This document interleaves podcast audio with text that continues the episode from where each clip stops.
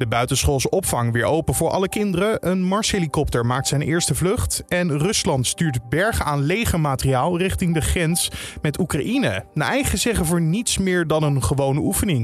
Maar Oekraïne ziet het als een eerste stap voor een invasie. De spanningen lopen op in het grensgebied Donbass. Dus er zijn allerlei uh, brisante uh, en, en, explosieve uh, elementen in, die, in dat hele Donbass-conflict. Ik ben wel niet min toch geneigd om te denken dat het voorlopig blijft bij, bij spierballen vertonen. Laura Staring van het journalistieke platform Raam op Rusland hoorde je. Straks praten we verder met haar over dit onderwerp. Maar voordat we dat doen, kijken we even naar het belangrijkste nieuws van nu. Mijn naam is Carne van der Brink en het is vandaag maandag 19 april. Breda moet zelf beslissen over het 538 Koningsdagfeest. Dat vindt het kabinet, dat gewoon door wil gaan met de testevenementen. De burgemeester van Breda gaat vandaag voor's en tegens bespreken. Dat zei hij bij Nieuwsuur gisteravond. Ik ben blij om te weten en te horen dat het kabinet graag wil dat het, dat het evenement doorgaat. En gaan wij het zorgvuldig wegen. En natuurlijk letten we ook op die maatschappelijke onrust. Want die maatschappelijke onrust, ja, daar ben je niet doof voor. Dat komt tot je. Tegenstanders zijn bang dat het feest een groot besmettingsgevaar vormt. Terwijl zorgpersoneel van het Amphia ziekenhuis om de hoek vol ligt met coronapatiënten. Een petitie tegen het feest is al meer dan 300.000 keer getekend. Twaalf Europese topclubs willen een Europese Super League beginnen. Het moet een alternatief worden voor de Champions League, want de topclubs vinden dat daar te veel kleinere clubs aan meedoen. Daardoor lopen de topclubs veel tv-gelden mis. De UEFA en de KNVB zien juist zo'n Super League niet zitten. Dit is niet goed. Hè? Dit is een soort gesloten competitie die ervoor zorgt dat eh, de nationale competities uitgehold worden. Dus dat de eredivisie minder interessant wordt, omdat je niet meer mensen afvaardigt naar eh, de competities daarboven. Zo was te horen gisteren bij Studio Voetbal. De helft van de volwassen Amerikanen heeft een eerste coronaprik gehad. Het gaat om grofweg 130 miljoen Amerikanen, dat meldt het Amerikaanse RIVM. Ongeveer 84 miljoen mensen in de VS hebben ook al een tweede injectie gehad. Wat overeenkomt met bijna een derde van de meerderjarige bevolking. President Biden had al aangekondigd dat elke Amerikaan die dat wil voor 1 mei een vaccin kan hebben gehad. Er wordt voorlopig geprikt met de vaccins van Moderna en Pfizer-BioNTech.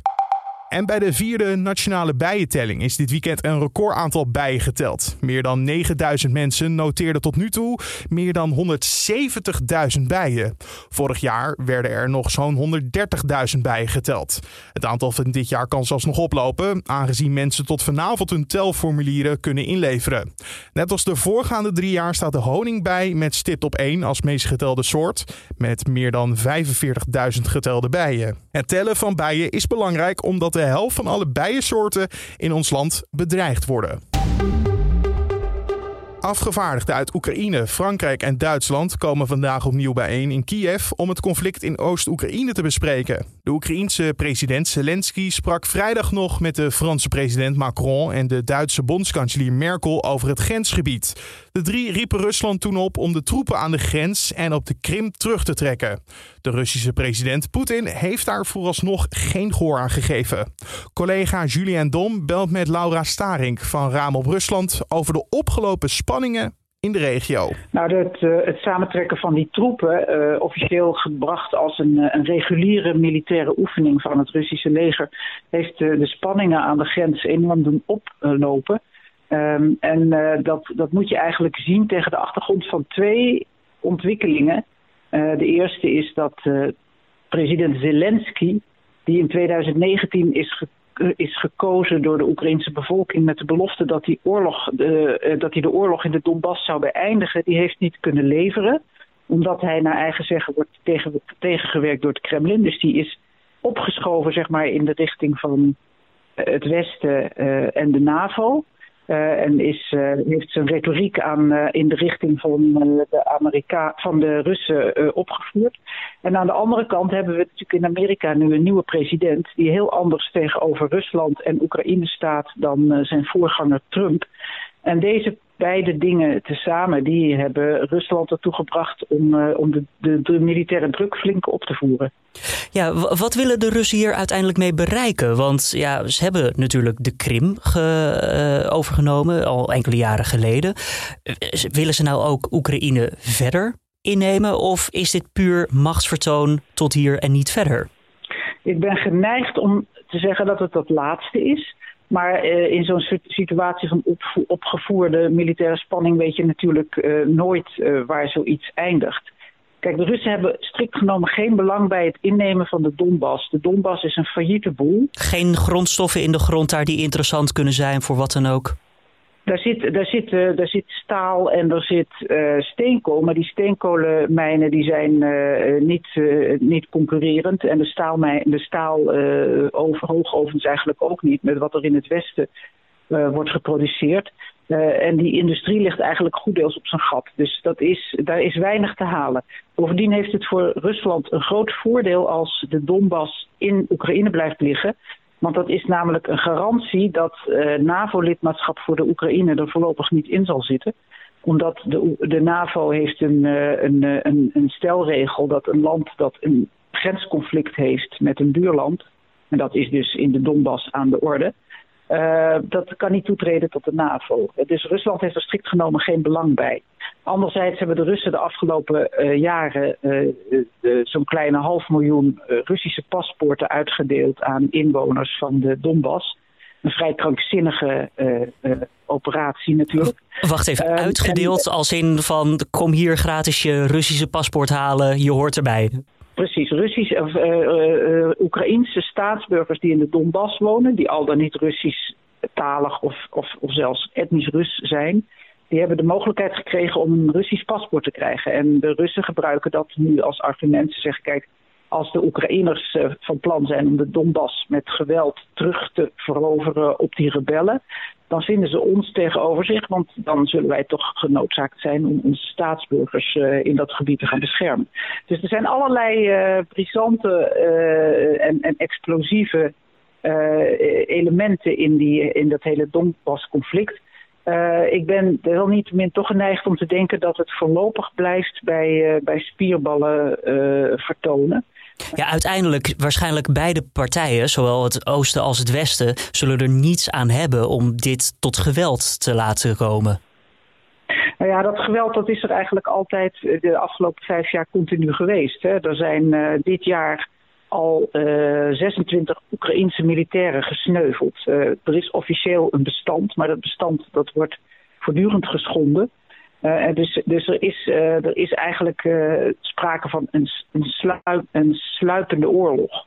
Um, maar dat is natuurlijk nog iets heel anders dan wanneer Rusland zou beslissen zeg maar, om echt troepen nu weer wederom, zoals ze dat overigens vijf jaar geleden wel gedaan hebben, uh, over de grens te sturen. En dat is natuurlijk een ontwikkeling die, uh, die eigenlijk in niemands belang is. Uh, president Zelensky die liet in ieder geval zien in beelden dat hij tussen zijn eigen leger doorliep van nou wij zijn er klaar voor, wij verdedigen onszelf waar nodig. Maar als je keek naar wat Rusland allemaal naar de grens stuurt, het is zo ontzettend veel aan oorlogsmateriaal. Je, je, moet er toch van schrikken. Oftewel, ja, zelfs al zegt u van nou mijn mening is dit zal waarschijnlijk niet heel veel verder gaan. Het is spierballentaal. Maar toch toont het wel aan dat Rusland zegt van wij willen wel serieus genomen worden. Zeker, maar het is, een, het is een schot voor de boeg letterlijk, zeg maar, uh, aan het adres van Zelensky. Die Poetin ook nog razend heeft gemaakt omdat hij uh, een, een, maand geleden een aantal Russisch-talige televisiestations heeft verboden. Victor Mac, van mediamagnaat Victor Medvedchuk, die geparenteerd is aan Poetin. en en dat, dat, dat is het zoveelste bewijs voor Poetin dat, dat Zelensky ehm, niet levert en, en, en aan het opschuiven is in de richting van, van het Westen en de NAVO. En dat de vindt Poetin onacceptabel. Kijk, de Oekraïners kunnen het uiteraard militair gesproken nooit winnen van de Russen. Uh, wel is het zo eh, dat, hè, want de Russen hebben een geweldige overkill aan, aan militair, militair materieel en troepen. Wel is het zo dat het Oekraïnse leger vergeleken met het leger wat ze een, vijf jaar geleden hadden, enorm geprofessionaliseerd is, ook met westerse steun en de steun van de NAVO. Uh, en, uh, en, en in ieder geval niet meer vergelijkbaar is met de slappe hap uh, die een vijf jaar geleden eigenlijk nauwelijks weerstand kon bieden tegen die opstand in de Donbass. Nou is er nog een ander aspect aan deze hele situatie interessant voor Europa, namelijk de gasexport vanuit Rusland naar Europa. De leiding die er nu ligt, die loopt door Oekraïne en door Polen. Stel, die leiding raakt beschadigd of wordt stopgezet door een van beide kanten. Ja, Europa zou dan een koude winter tegemoet kunnen gaan. Ondanks het, het wordt nog zomer, hè, maar toch, als we alvast ver de toekomst in kijken, er gebeurt wat met die leiding. Europa zit dan in de kou. Dat moeten we ook niet willen. Nou, dat is niet erg reëel. Kijk, er is de, de, die, die gasoorlogen die hebben we ook uh, een aantal jaren geleden uh, tussen Oekraïne uh, en Rusland gehad. Inmiddels heeft Rusland buiten Oekraïne om en Polen om de, de Nord Stream pijpleidingen gelegd door. Langs, door de zee ten noorden van, van Europa. Er zijn analisten die zeggen dat dat ook een van de redenen is voor Zelensky juist om de spanning op dit moment op te voeren. Oekraïne heeft natuurlijk absoluut geen belang bij die noordelijke pijplijn. Want dat betekent dat de Russen voortaan hun gas en olie buiten Oekraïne om gaan vervoeren. Oekraïne verdient veel aan de transport, de doorvoerrechten. en dat is dus een gevoelige klap voor de economie die toch al in zwaar weer verkeert. Ehm, de Amerikanen, dat is bekend, die willen van Nord Stream af. Uh, de Europeanen niet. Uh, en het, voor, voor uh, een, conflict met Rusland zou, zou uiteindelijk kunnen leiden voor de Oekraïners tot zeg maar, het cancelen van die Nord Stream 2-lijn. Dat zou in hun belang kunnen zijn. Dat wordt wel als argument genoemd, als een van de argumenten waarom Zelensky langzaam de spanning opvoert. Maar het is niet noemenswaardig, dus als ik u goed begrijp. Nou, wat, wat, uh, wat u suggereert, namelijk dat, uh, dat wij straks weer in de kou komen te zitten omdat, uh, omdat die, die pijpleidingen door Oekraïne beschadigd zouden raken bij een oorlog, dat is niet aan de orde. Toch moet ik zeggen, ja, de, de hele situatie aan zich, is het nog te deescaleren op dit moment op een manier? Of zegt u van nou, het moet eerst nog even verder gaan voordat we uiteindelijk weer kunnen praten? Ondanks dat er nu gepraat zal worden hoor, maar hè, wat voor resultaat kunnen we daaruit verwachten? Nou ja, kijk, Biden heeft het initiatief genomen om Poetin te bellen. Uh, en toen hebben ze het natuurlijk ook uitgebreid over de situatie in, uh, rondom Oekraïne gehad. En Biden heeft daarbij heel duidelijk gezegd dat uh, agressie van, van Rusland, dus een invasie van Rusland, niet geaccepteerd zal worden. Ehm, vervolgens heeft hij ook meteen maar vast sancties, nieuwe sancties afgekondigd ten opzichte van tegenover Rusland naar aanleiding van eerdere beschuldigingen van inmenging in de Amerikaanse presidentsverkiezingen, waar hij zelf heel veel last van heeft gehad. Dus er zijn wel, er, vinden wel pogingen plaats om, om te deescaleren.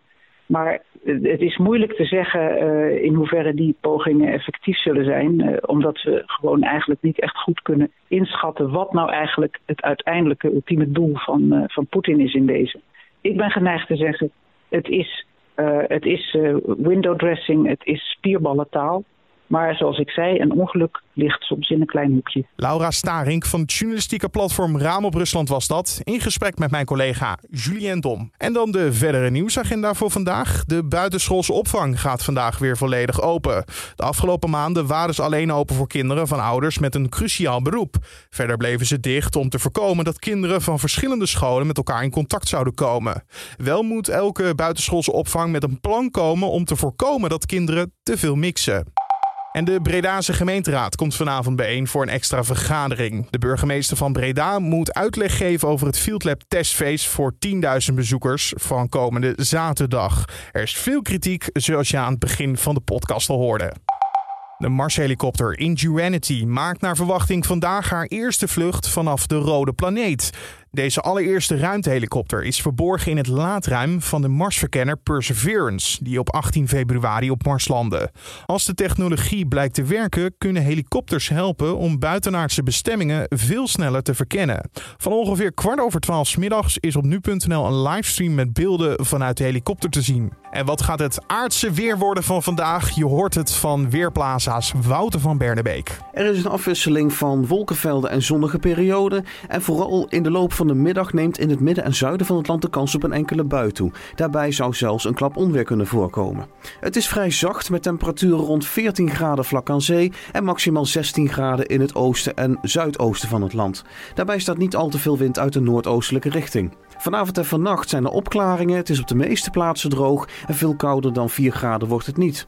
Morgen temperaturen tussen de 15 en 17 graden. Opnieuw is er geregeld ruimte voor de zon, maar in de loop van de dag ontstaat met name in het binnenland ook weer een enkele bui. Dankjewel Wouter van Bernebeek van Weerplaza. En om af te sluiten nog even dit. Wie echt niet meer kan wachten op een zomervakantie, nou dan moet je vandaag goed opletten.